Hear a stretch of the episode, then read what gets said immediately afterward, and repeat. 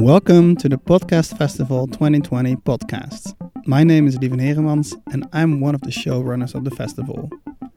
In this podcast feed, we are publishing a selection of the recordings from the podcast conference, which was held on September 18. This episode features a conversation on the importance of making invisible stories audible through podcasting. You will hear Nolika Redway from Domino Sound and Josh Rivers, who's the creator of the Busy Being Black podcast. Got my mic. You need me to have my mic, right? That helps with the sound. Thank you. I, I had to be a little bit more disciplined about it. Um, so um, I want to start by introducing you again, Josh Rivers. Thank you so much for being here at the Podcast Network Festival. Um, can you tell the people a little bit about yourself? Sure. My name is Josh Rivers, and I am the creator and host of Busy Being Black, which is the podcast exploring how we live in the fullness of our queer Black lives. Awesome. Um, Josh is based out of London, right? Thereabouts. Thereabouts. And um, so part of what the theme of this conference is, or this festival is, this idea of, of visibility and how do you make those things that are invisible visible. And I really, as immediately when um, the curators of the festival came to me, I was asking like, who do you think should be like? Do you have any idea? Like, busy, busy being black, like popped in my brain of like, yes, if you're in Europe and you're thinking about communities that need that are be like are the erasure and like being erased and how to use podcasts as a space to make things visible that are invisible busy being black is the thing and so i'm really excited that you're here to kind of like You know, that means a lot to me actually that you'd think that because so much of the genesis of Busy Being Black was me trying to create content that I think would have been really helpful for me growing up. And and it's basically me sharing what I'm learning in real time. So I think you asked me um, in a pre-chat like how I come up with ideas for the show. I'm probably jumping ahead. Sorry. no go ahead it's okay like I will control this narrative. but like, but um, I think you asked me about uh, coming up with ideas for the show, and normally I have a question that needs answering, and so I find the person who who I think can best help me answer that question, who is also queer and black, yes mostly. I was earlier. I was talking about the podcast that I host, Raising Rebels, and so much of that are the conversations that I'm having and um, wanting community around Black parents who are trying to do it differently. Um, and so you built it, and exactly. I, I we literally spoke about this earlier in this group around. I strongly believe that when you are thinking about podcasts that you want to make, that you should be thinking about yourself. Like, what is the story that I want to hear that is most um, true to who I am as a person. That is my offering to the to the world. Um, versus this idea that often happens um, where people in positions of privilege and power are trying to make content for the oppressed. You know what I mean? And that's just backwards and I don't like doesn't make sense versus think like stories are universal. So, like I said, I thought of you and I'm really excited for you to be here. And tomorrow, um, we're so lucky that there's going to be a busy being black live show um I don't know. And they, you guys don't do a lot of like open applaud, like culturally, right? It's not like something that it's really I not. like, I'll cheer for I know, me. no. It's, okay. it, don't fake it anyway. I've gotten used to it. Like I've been here. I was like, go Uh, me. The cultural. It's like it's just it's just a different. It's just like a different thing. It's just a, if you were like yeah in in the U.S. too, like you were guys, like, you'd be screaming all the time. Feel free to vocalize if you feel if you feel like doing it. I think it's like politeness, which is okay. Um, We're gonna ask you to be black. in yeah, this I know. Like, space. try, try, do do what we do. But also, like, particularly for us as Black Americans, Yeah. well, and Yeah. um, uh, acknowledging your Jamaican Yeah. heritage as well. You know, my grandfather was a Baptist preacher. oh yes, and he had his own church in this Yes. really backwater town called Ye- Yoakum, Texas. Yoakum, Texas. Yoakum, Texas. And it was like this, this wasn't any bigger than this. I was going to say hut. Yeah, it's it's obviously not- not a hut, sorry, but this building. Mm-hmm, and I grew up every summer with with my um, grandfather and my extended family, Mm-hmm. and so much of the uh, of our black culture is rest, rooted in the black church, right? Yes. Which is very emphatic and energetic Yes. and call and response Yes, and yes, involve. yes. So yeah, We're gonna be loud, and you can be loud with us. You're allowed we to want to be invite in you in. To our space. Um, it, and the wood kind of gives that feeling, that church, like that kind of like homey. It's interesting. Well, you know what my mentor said to me? He said, Josh, your ministry is in your DNA. Mm. I was like, I know exactly where we're having pancakes. Yes. Yeah, your ministry is in your DNA. So it's interesting that uh, when we're thinking about telling stories and creating spaces, Mm-hmm. what our ministry is. Now, obviously, that has a particularly poignant um, impact on me because my grandfather was the preacher. The Black Church was so much of our Mm-hmm. of our growing up, our lives. So when you said your ministry is in your DNA, I I went in all sorts of different crazy places. Mm-hmm. But you find many of us who are trying to have these conversations, like mm-hmm. Raising Rebels, like Busy Being Black, we have something to minister about, right? We're all mm-hmm. giving sermons, and that very much kind of informs the the kind of care and tenderness and vulnerability I try to build into Busy Being Black. You know, come here and I just thought, come here and be saved. but That's right. no, it's really it's it's true. I think it's really true. And and through telling your story, you're giving other people the opportunity to tell theirs. That's like the whole point of like why we hopefully what why we're doing what we're doing in podcasting. Well, and you're not alone. Yes. Right? And this is kind of whether you're doing like a podcast that's about like business acumen, marketing.com, like Mm-hmm. that's you're giving that information because someone else needs that information because Mm-hmm. you, need, you needed that information at the same at, at one point. Mm-hmm. I think much is this it's even more true Mm-hmm. for those of us at the intersections of queerness and blackness to be specific who are raising children Mm-hmm. or trying not to be a dickhead or like trying to figure out like how the world works around us Mm-hmm. that that that would be that that's your ministry figure out where that Absolutely. is what that is Absolutely. So we want. I want to like start with how you decided or ended up. Like you said, part of why you decided that you wanted to do Busy Being Black was what you needed for yourself from a logistical perspective. What was the undertaking? Like when you're like, okay, I'm. Gonna, I want this. Now I want to go do it. like what happened i literally just bought a task task dam Tascam one Okay. of those like i should know the name but they're not mm-hmm. paying me anyway so mm-hmm. like it was a portable podcast recorder Okay. and i reached out to someone who liked the idea one of my close friends Mm-hmm. and just sat down with him And he just like, let me let's let's do it. well because you said logistical so Yeah, i was yeah. like i bought a podcast recorder You bought you, but before you bought the podcast recorder, what made you think you could do it? Oh, that's interesting. That's a great question. What made me think I could do it? Well, I didn't know I could, really. Mm-hmm. I just knew that the I had been so transformed. I know that sounds really dramatic, Mm-hmm. but I had been really transformed by podcasts. Mm. So I always reference Krista Tippett's On Being, which is just like one of the most transcendent shows Mm-hmm. ever created. I'll stay. I'll, that's a hill I will die on. and I think what she and she tackles like a really wide range of of topics Mm-hmm. and themes, and I think the way she held holds space for really difficult conversations really inspired me. Mm-hmm. And so I went. I, the genesis of Busy Being Black was that I went through a really traumatic time in my life, mm-hmm. and as part of that healing process, you know, the queer Black elders were like calling me in and mm-hmm. saying, "You really fucked up, but you're going to be okay." And take the time you need to heal because we need you back out here. Mm. Right. And as I was having these conversations, I just thought, my God, people need to hear this. Like they need to hear what these wise people are sharing with me. Um, and so that's when that that's what like motivated that So thing. powerful. Yeah, I that's so powerful. thinking about it. No, it's so powerful. This idea of um, like being willing to be in process with and like in real time and share that story. I always think those are the most powerful listening experiences. And I think those are the most powerful interviews that I do. Also, is like when it's not always about like I know this, I've figured this out because that sucks because none of us have figured any of this shit out. We're always like, know when those those people are running podcasts because they talk the most.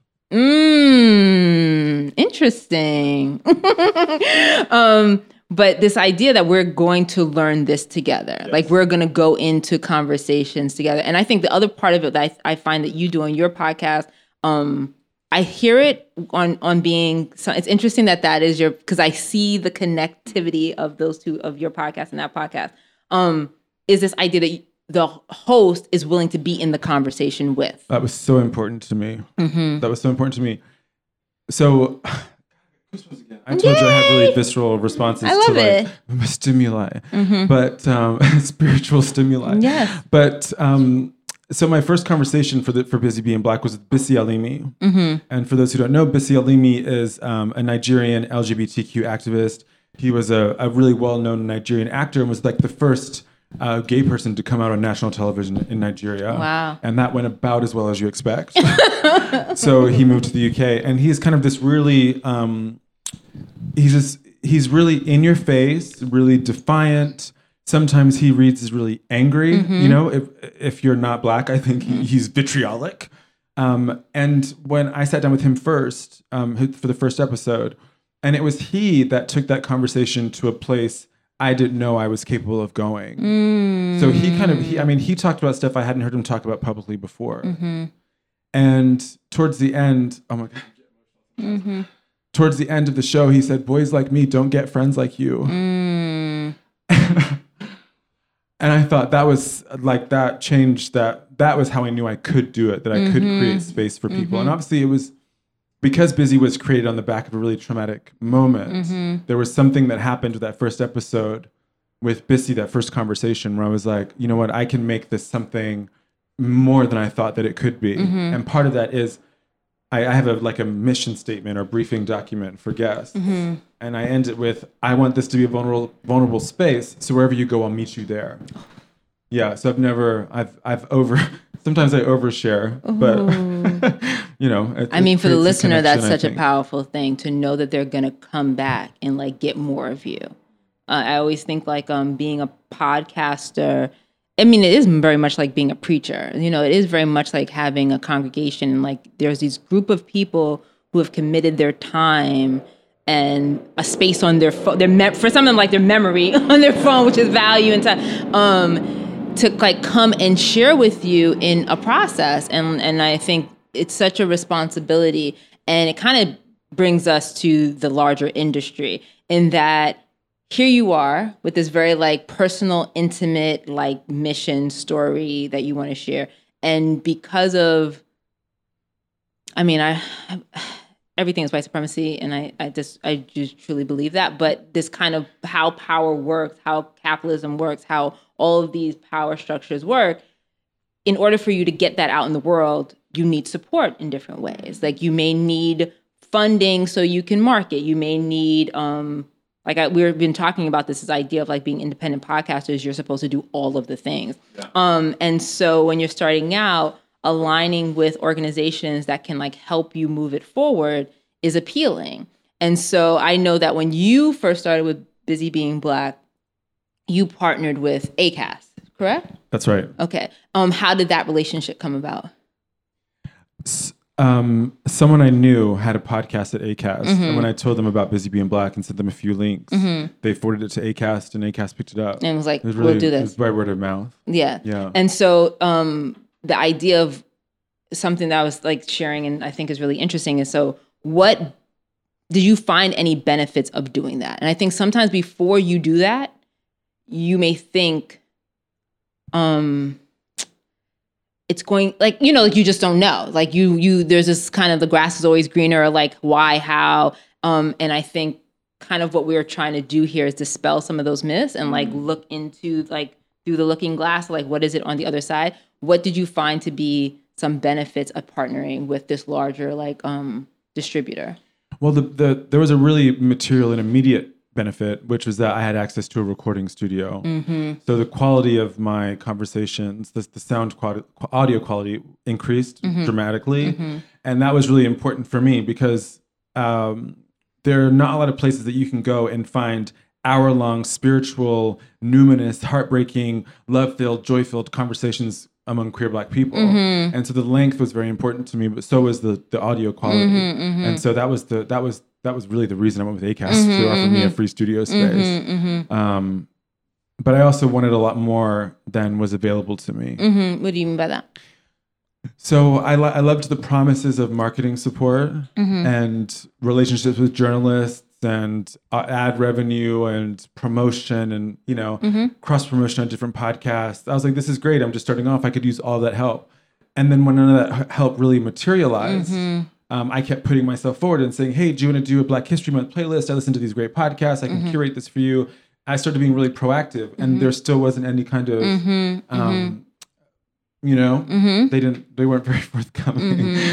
And so I don't know how this guy found out about it, but uh, James from Wizard Studios, Mm-hmm. which I think is a subsidiary of Columbia Music, um, called me and was like, "Hard sell, hard sell. I want your podcast." Interesting. Yeah, and I was like, "Great, take it," mm-hmm. uh, because I just this it, at one point the value of having access to the studio mm-hmm.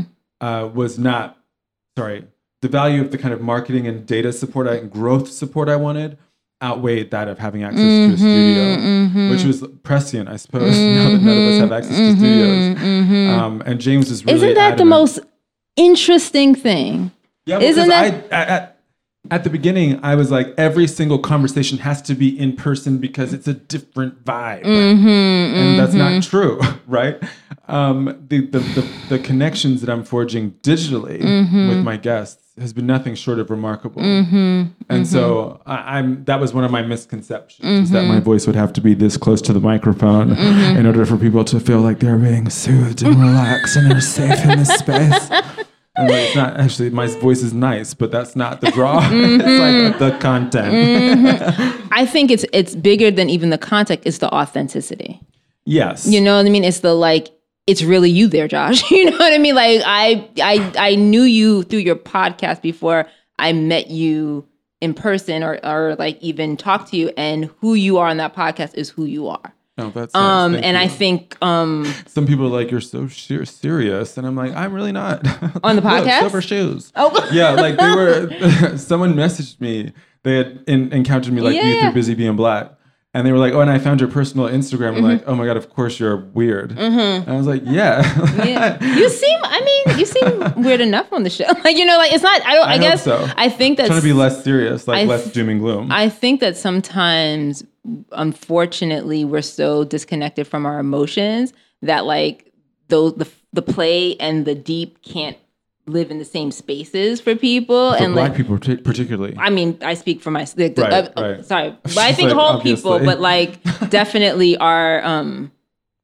I think our like the experiences are true for so many uh, people in general, but like i feel it specifically, and so like there's a way of um who you and and I and I also think like the growth of you on the podcast, right? Like the longer you do it, the more who you are and how you are will show up. A, a- like it's kind of what you're saying about thinking about the studio and that is important and like as you do it more you realize like it's actually not that important. I can like start putting you can start like pushing all of this other stuff away and getting to you. and part of the part of busy's uh, growth for me or this ownership of busy as one to put, actually put my face to it say i'm happy to be associated with this thing um, and the second question was how much of yourself are you going to put into this josh? Mm-hmm, like how mm-hmm. how much of yourself are you going to bring mm-hmm. and what for? And so I, i've noticed a, like a growth over the two odd years that i've been doing it as well. It's been really really remarkable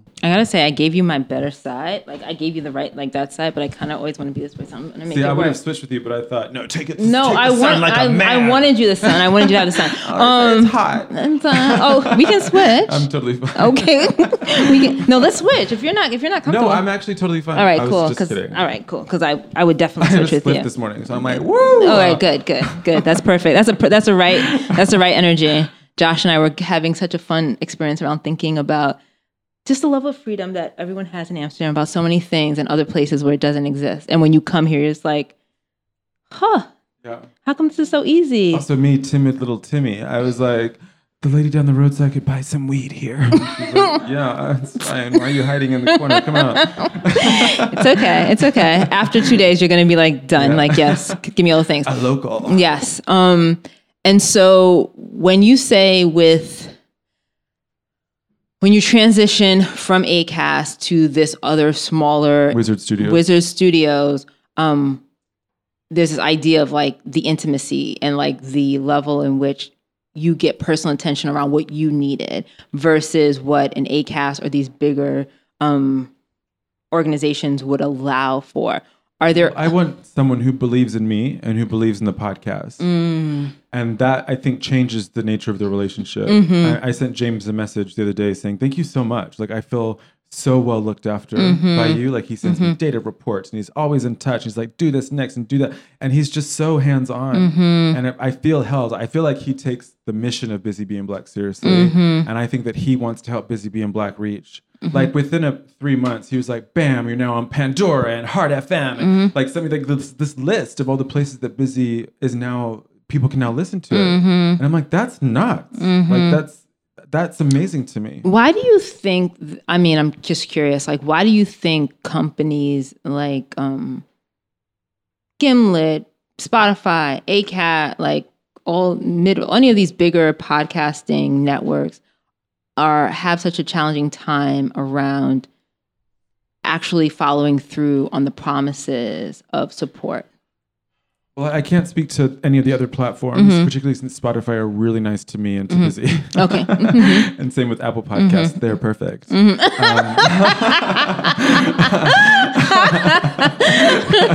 you will You're not so- ruin my place now.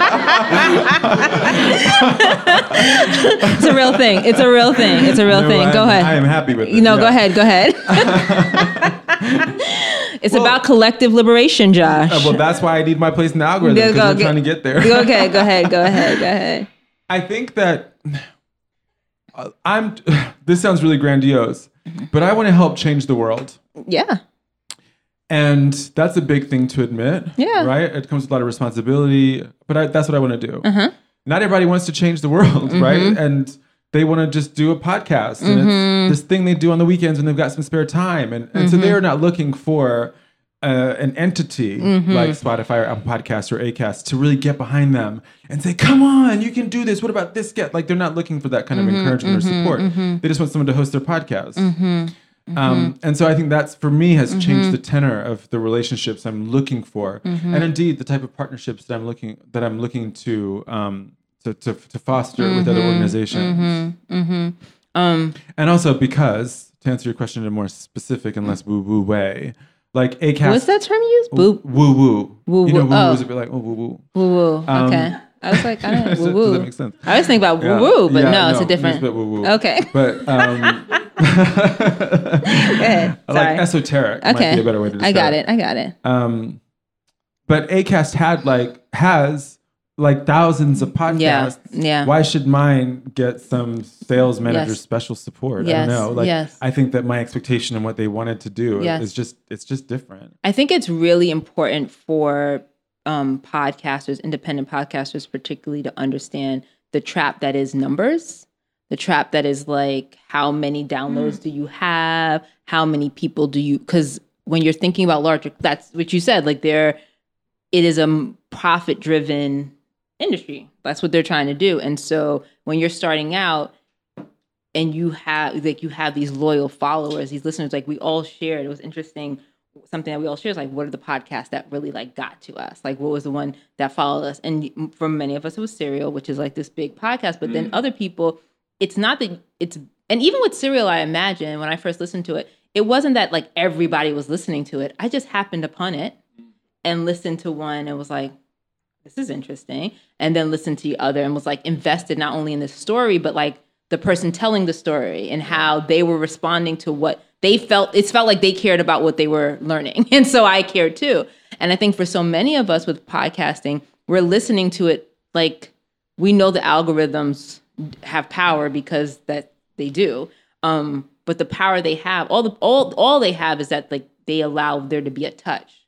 But if your shit is not connecting with the audience, they could see that picture a thousand times. They they saw it once, they hit it, but if it doesn't do the thing, it doesn't work. And so I think that sometimes I think it can be hard to not bite the apple of like you're going to help me get to like more downloads um because that's the goal. And to be and to recognize and realize like the more downloads first of all that might not happen right? They pro- they might promise that but that might not happen. And then on top of it your listeners that you have you like they're there for a reason and how you can replicate what that is versus trying to go get other new you know what's shiny and new Yeah. i think we have to be mindful because you may lose some of your story Yeah, like wh- I, I, I guess it comes down to like a really basic question: Why are you making it? Mm-hmm. Are you the best person to be making it? Mm-hmm. And what do you want it to do? Mm-hmm.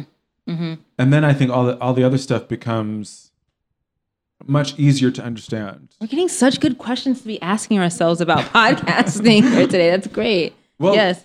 you know, like I said about partnerships. So, it, you know, Busy is a self-funded project, right? And so I know that I'm very specific that I want to be in places that are um, cultural, like respected culturally, which are leading in conversations um, that are kind of a bit pretentious. Like that's my thing, right? And so because I know that, because I know that's the type of spaces I want our people to be heard in, Mm-hmm. it has changed. It, it shapes who I have partnerships with. So I've been fun- the show's been funded twice. Once by the Wellcome Trust, which is like the world's leading, you know, health research organ charity or funder and researcher, uh, and then the European Cultural Foundation, right? Like I wanted, I want it to be elevated, and so that makes it really easy for me to decide whether or not I seek funding from someone mm-hmm, or mm-hmm. accept a guest or mm-hmm. does this take us where we need it to take us. But I know that specifically I want to have tenderable, ten, tender, vulnerable, queer, black, like dripping in black conversations in spaces where you don't necessarily always hear them. Something that came up earlier, we were talking with um, Renee Richardson about a similar. She's amazing, right? She she was. She's coming on the show next week. Spoiler alert! Yeah. Oh my goodness! we literally talked to her this morning. Um, so like yeah, um, amazing. And something we were talking about was this idea that being in Europe, right? Like you guys are in the UK.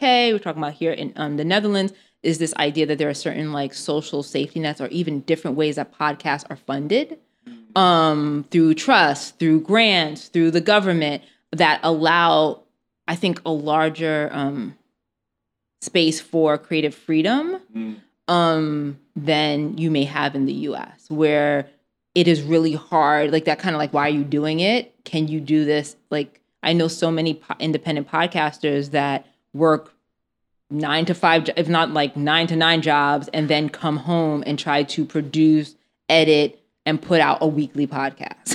like, and it It's sounds so much fucking work. it's so much, and I because I do. I'm like, how are you? Like a lot of times when at Domino we connect with people, it's a lot around like they. It's not. They have amazing idea. They're putting out like this really fun, interesting, thoughtful podcast, and it is burning them out. Like so many podcasts get abandoned not because they lose things, they don't have anything else to talk about, not because they don't have listeners, because there is no support for the conversation that they want to have, and they just can't do it and like live. And let me tell you, at the at the very beginning, I was uh, busy. So this is 2018, March 1st, 2018 is when it went live on Apple Podcasts.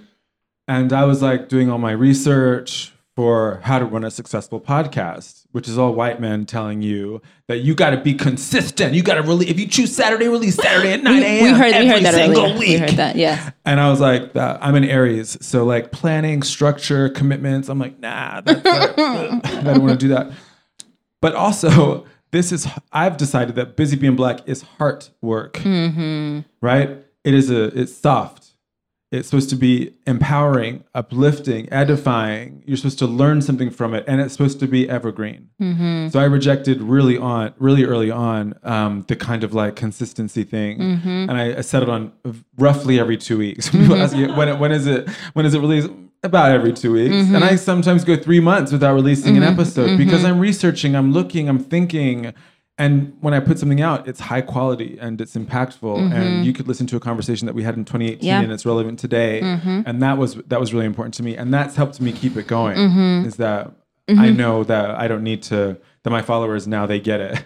And it's so interesting too because when the goal isn't as many people as possible, but like your people consistently, there's a way in which they are subscribers, and when it hits your their feed, they're like, "Oh shit, there's They're a in. new thing in," and, then you have social media, and there's other ways that they stay connected. They're going back. So Mm. busy as of September 1st. Busy had been listened to 100,000 times in 2020 alone. Wow. and that's me releasing as and when I feel like it, Mm-hmm. right?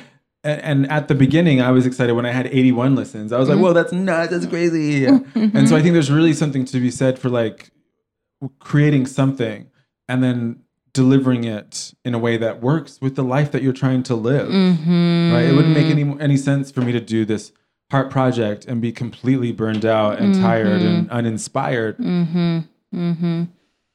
That's a word. Um, last thing, a question, and I'm going to open it up to the audience is the name. What does like? Tell me. Tell me. Can I tell you first? yes. when I tell white people Uh huh. The name of my podcast, oh, what's it called? I'll tune in. And I'm like, oh, it's called Busy Being Black. And they go, hmm. and I love that's my favorite people to tell, Busy Being Black. Um, but I actually get lots of feedback from white people going, well, that was, that was, I learned Mm-hmm, a lot. I'm like, it's not for you, but, uh, you know, I'm glad. But yeah, so it came, the, the name, I hosted an event called Forbidden Fruits. Okay. Where me and three other queer men of color talked about uh, love, sexual objectification, you know, trying to live and not be devoured by the gay scene. I love that name. Isn't it great? Yeah. I was like, I know that's. I'm nothing if not good with name, like Yes. little fun things. I love it. anyway. I love it. Like my the series for the Wellcome Trust was Theory in the Flesh, right? It's like Mm. Yeah. sexy. You know, I'm gonna listen to that. it was not sexy, but anyway, in any case. so we had this really wonderful event, really deep, Mm-hmm. vulnerable conversation, like really connected. And like everyone, 60, 65 people there, everyone was happy. I got an email the next day from a white guy who was there. And he said, You know, great event, but you really should have created space for some white voices in that. And I was like, That's wrong. The bes- goes against it, doesn't it? Mm-hmm, mm-hmm. Four queer men of color and this random white guy mm-hmm, talk about sexual sexual racism. Like, that doesn't make any sense. So I was, I thank you for your email. You I- responded. yeah. Thank you for your email. I disagree. Mm-hmm. And then I left it at that. I was telling my friend Ben about it, white guy. And he said, Well, actually, and I said, I do not have time for this. I'm busy being black. And it just kind of like came out. Mm. And then at the time I was like, well, that'd be good for something. And I kind mm-hmm. of like just parked it in that little mm-hmm. ideas Tupperware in the back of my head.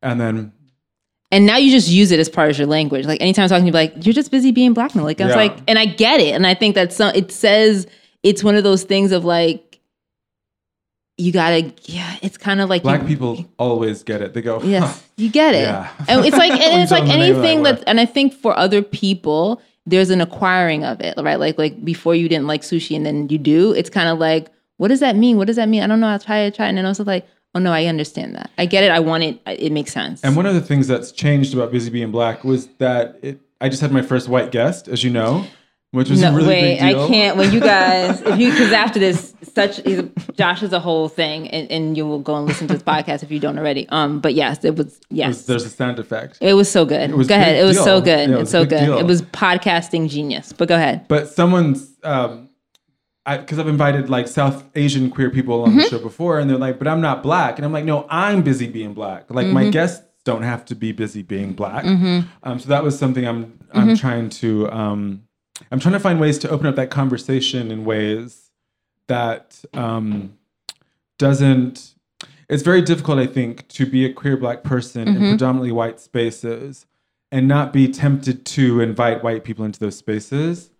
Um, and so I've been kind of very stringent mm-hmm. um, for two years in saying mm-hmm. that you have to be of color. Mm-hmm. Um, and now I'm like, well, oh, I think I called Liz an elite white. Like, who are some of the people who have like clearly been doing really important work, whose scholarship, activism, sacrifices have have really um, lended to our movement, to our to our collective liberation. So they- I mean, they have to reach a really high threshold. But I am thinking about what that looks like if And they have to be willing to come into the conversation from a place of like privilege, like recognizing their privilege, right? Yeah. Like coming in and like not you didn't you don't you didn't fix it. You're not like you do you really want to come here? Mm-hmm. I mean, even the fact that you started it with you are my first white guy. Like, th- and this is a thing. Like, I and the fact, yeah, Yeah. and the fact that you're white is a thing here, and um, we're going to talk about it. Um, I really appreciated it, and I think the idea of how much work it takes to be a black queer person, Mm-hmm. like, it's going to make you, you know, busy. You know, you're bit. It's a lot of work. It is Yeah. a lot to do, and Also, you really don't have the time for other things. inconsistency of the releasing of the episode. I mean, that's relatively consistent, but I do Mm-hmm. I do take breaks. I'm like they're thinking he doesn't do anything. No. But because I like edit, research, produce, Mm-hmm. uh, I do everything, all the sound design, everything. I do it myself. Um, I thought it would be also disingenuous if I released it consistently because I'm busy being black. Yeah. So like if I gave you something every week, you'd be like, well, how busy is this nigga? well, you're not that busy. You can do you can do this podcast. Um, and I think also the Evergreen, like I, I discovered that your podcast after it was like recently, like in recent. So that I just got to devour episode, episode, episode, and that's how I like to consume. And I think other people like to consume in different ways. Like I can't. I was we were watching like we were watching a this is a show that we are started watching and um the boys. Do you guys watch the boys? Well it's this show on hulu um you don't have to watch it. It's it's like bad but good. It's one of those things that's like but not it's anyway. But um i got i i binged the first season and i was like okay second season's coming up and because of money um hulu decided to release it weekly right? Because because advertisers don't know what to do with bin like if you like what do you do when someone consumes a whole thing in one in one, one gulp? Like i need to have you buying that thing consistently. Yeah like you can't keep doing it. Um and so for me i was just like i watched two episodes like i can't watch this like this. Like i need it all or nothing. So i'm gonna My stop. mom's like that. yeah like i'm gonna stop and when you guys get your shit together like you you've released your whole season i'll be back. I'll see you on September I'll see you when I Yeah. can. I'll see, and I think the like what technology, what podcasting and technology allows for individuals to like decide for themselves how they want to consume, how they want to be in relationship, how they want to engage is really um powerful and also very it's disruptive. It's disruptive to the systems at hand, and I'm it's, I'm always interesting to watch to see how um how the industry and how people in positions of power and how power will try to like cut that off. And I really appreciate that you have made the like been true like to this heart work and made choices that are around like being authentic or like what you wanted to produce versus other routes and ways you wish to do it. So it shows. Know that it shows in what you do. So you're welcome. Um, let's see what. Oh, good. We have a little bit of time, right? We start next is at two, so we have a little bit of time, and Josh is going to stay part of that conversation, um, which we're excited about. Um, but we have a little time. So does anybody have any questions? Yes. feel that first of all, thank you for this conversation. It, it really enjoyed it, but also was like listening to a podcast. um, but I, uh, you said something earlier uh, in the uh, conversations about um, that you were figuring out what to give from yourself and how, how much you uh, want to put into it and finding that balance. Um, and I was wondering, did you find a balance and how? Um, uh, is it like the more you give and the more uh, you open up, is it the more rewarding or how does that uh, work? Just because I don't know if all of the sound will pick up when you're answering the questions, if you can kind of repeat it a little bit, sure. So when deciding about how much of myself to give emotionally um, in the conversations, it, I just thought you got to come into the space and be. Your, I I said to myself, you got to come into the space and just bear it all. So like I said, I went. Busy being black was born out of a really traumatic event, and I really didn't trust myself after that, and I didn't trust that I could have hard conversations. I didn't trust that I could open myself back up in a way that would allow for honesty. Um, and so when Bissy opened himself up, that's why I credit him with showing me how deep I could go because I responded immediately to that. I think it's a very human response to say, "Oh my God, me too," or "I understand," or "Fuck, that's really bad. I'm sorry." Um, and so from then, I decided, you know what, just bring your full self to this. Say what you need to say. And the first real challenge to that was when I interviewed um, Michael Rice, a documentarian, and he had released a documentary called Party Boys, which was the, about the rise of crystal meth among queer black communities in the U.S. Mm. Yeah, and I'm- Party boys. yeah, it's incredible. down. I mean, harrowing as fuck, but Really? And didn't know. really, really important.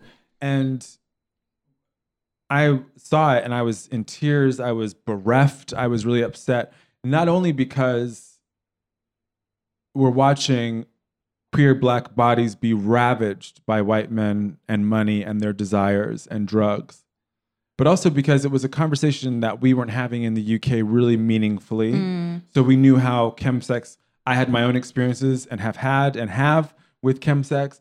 And I knew that I couldn't have a, the, an honest conversation with him if I didn't say at the very beginning, as someone who has struggled with addiction, with someone who has struggled in this scene. I mean, that's the first time I said it publicly, right? And I thought, well, you've said it now, so not much else you can't say.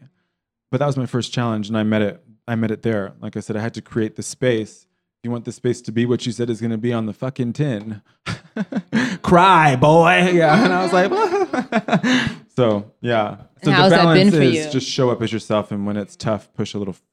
Just go that little bit further, and it is rewarding. People do respond in kind. You know, I got a message saying, "You make me feel proud to be a gay black man," and I thought, yes, that's exactly the goal. So And then one more question. No, go for it. it's okay. Yes. Um, so when you put out your content to other distribution uh, platforms, how do you uh, view open RSS versus paywall? So regarding um, you know free content or putting it behind a paywall, Busy Being Black will always be free. Yeah, that's really important to me. What I don't like is people who capitalize off their community. Not when you're doing this kind of work, right? Like, I don't know. I think that I should be getting paid from big organizations to create this work, not ask an already marginalized group to pay for my stuff. Mm-hmm. That to me does, doesn't feel right. Other people mm-hmm. have a different approach to mm-hmm, that, but it's why I don't have merchandise or paywalls or I mean I have a Patreon, but I'm very specific on the Patreon that you are paying me just to do this. You're not getting anything for it. so, you know, I've got like six people paying five pounds a month. like it's really nothing. But it helps. I listen. I understand. I understand. I understand. Did that answer your question? Yeah, that's thanks. Uh, you said earlier that you didn't. You, of course, obviously, Busy Being Black is not made for white people. Uh, but I, I'm very happy after listening a few ep- to a few episodes that um, I don't feel uh, uninvited, and wow, I just you. really enjoy. That's just a short comment on on how uh, happy I am that you are doing what you're doing. Um, my question is, how has That means a lot. Thank you. uh, you're welcome. How, how has the past two years of making this changed you? Because I can imagine that this has a huge impact on your personal life and also on your perception on being black and busy and queer. And Yeah. That is a beautiful question. Thank you. Um, Busy Being Black has changed me over the past two years, definitely. And like I said, I was trying to trust myself again. I was trying to prove to myself more than anyone that I could, I was worthy of speaking with, on behalf of, for the community. And so I feel like I'm talking around this traumatic event. I was basically, I was the first black editor of Gay Times. Um, and I was fired after tweets from my past um, were uncovered. And in the maelstrom of that, the media maelstrom that ensued, how could this queer black guy do this, these horrible things five years ago? What I was most terrified about was that I had lost my standing with the community that I was here to serve. And I didn't know how I was going to speak to the community again, right? I thought I had fucked up so badly that I couldn't get back from it. And so, so much of Busy has been me trying to say to Josh, you can do this. You can have these conversations. Mm-hmm. You are not the man you were when you were 25. You're 32, for God's sakes. And I'm 34. And so the show has helped me because I'm meeting people who are trying to live life at this messy place too, right? Who have made mistakes, who have wanted for more, who have battled against racism, who have carved out spaces for themselves, who refuse to be quiet. And so learning from these people has been, I'm, I'm forever transformed by it.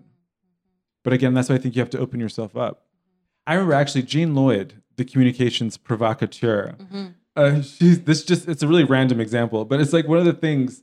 So she's like, how do you communicate effectively with other people, and how do you make sure that people know that you want to have a conversation with them?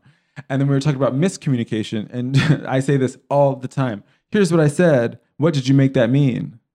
Right? And there's just like these little nuggets of things that stick that stick with me and I find myself revisiting.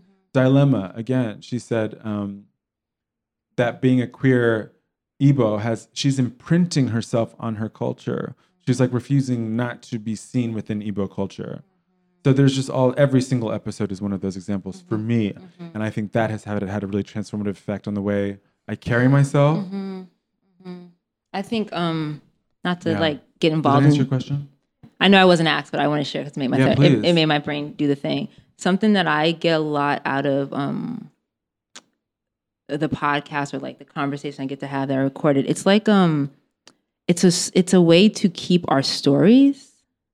I often think about my children and the idea of like how will they know who I was outside of outside of like outside of anything I other people. yes, Yeah. yes, yes. I just cut that out. Yeah. Right. No, it's it's it's a real thing, and I, I I constantly every time I'm having a conversation, I listen back to it, or they get to. I'm like, when they're my age, they will get to hear how I thought about parenting them, even if it has grown and changed. You know, like I could say, like when you were ten, this is what I did, but they'll actually get to like hear what was going on in my mind. It's an archive. It's an archive. Right. And so that's like a gift that I'm giving myself. Like that has nothing to do with really anybody else. Um, but this is a platform to do it. I think it's really important to ask yourself that question around like what how is this feeding me? Yeah. Like what what is what is the feed like how is this feeding me so that you can continue like why you're doing it is always centered. And I didn't think about busy as an archive until someone pointed it out to me. They said, Absolutely. You're collecting all these amazing stories. You're creating an archive. It was Topher Campbell, the artist. And I was like, yes, I suppose I am. That's quite cool.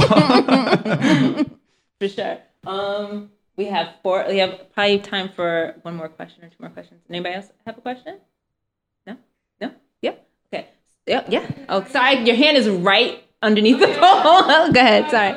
Nobody else has a question. No, I. I um, uh, the thing that I, I really really like about uh, your conversation and your podcast and what you're saying is that you at one point you um, felt like you had something important to say and wanted to put it out to the world, and you did it and you noticed that it was uh, important and other people want to hear it. But how how would you, if somebody else would, I, I would imagine a lot of people have important things to say but don't have the feeling that it's important enough to uh, to make a podcast.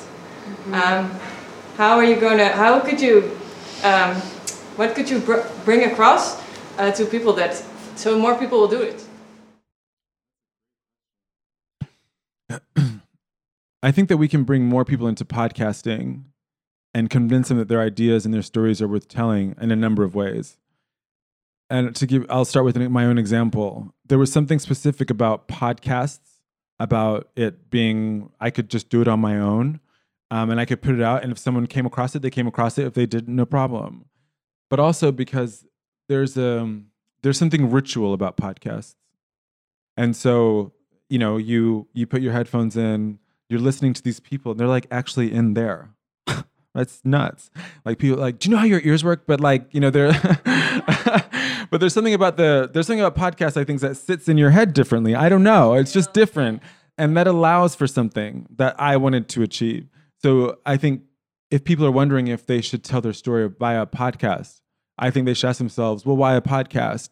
Why not a YouTube channel? Um, what is it you're trying to achieve? And his po- podcast for me was definitely the best medium. It allowed for me to do the thing I wanted to do. So I would say to people, ask them that, ask themselves that question. And also, like, if no one listens to your podcast, like, it's no big deal.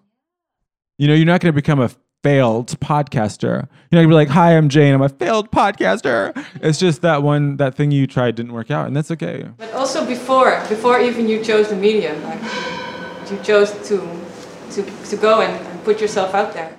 all stories are valuable and i think that's the lie that again white supremacy but um and i think any kind of systems of power tell us that like only particular stories or only particular people are worth like digging deeper and every individual in this room every individual in the world has a unique story to tell and i think that that is the thing you have to know. I think for you and like probably for myself, there's something like it's something that was happening already. Like there were conversations that were already happening. There's like stuff that, you know, I I guess like I'm meta enough that I'm like, I'm having this conversation right now and I think other people want to hear it too. You know, like that would happen to me um, for sure. But I definitely think that we should all know that our stories are valuable. And if you're not scared of failing, like if the goal is not everyone's going to hear what I just said. If the goal is just like I want to tell my story and you really do see it as an art form that is just like sharing what I have inside, then there's no there's no harm there. Like you're not like you said, there's not- there's no like I'm a failed podcaster. It's just like it's like writing in a journal almost. Like you do it for you. Well, I think of poets. Yeah. You know, poets write about their specific experience. and it's you know think think about um It's okay. You know, you, just, na- you um, named 10,000 names. I can't remember uh, anybody's Wild name. Geese, Mary Oliver, right? Mary Oliver's poetry is so specific to Mary Oliver. It's like handsome, it's rugged. She, it's about nature always, and that's so specific to her. But I, I heard a conversation where she was just writing in her journal like these poems as she walked around, and it turns out loads of other people like it. But I don't think she did it thinking other people need to hear my, you know, about wild geese, which is the, one of the best poems of all time, by the way. I've never heard it. Just as an find it. aside, yeah. You. You do not have to be good. You do not have to walk on your knees for a hundred miles in the desert repenting. You only have to let the soft animal of your body love what it loves. Well, okay, Josh.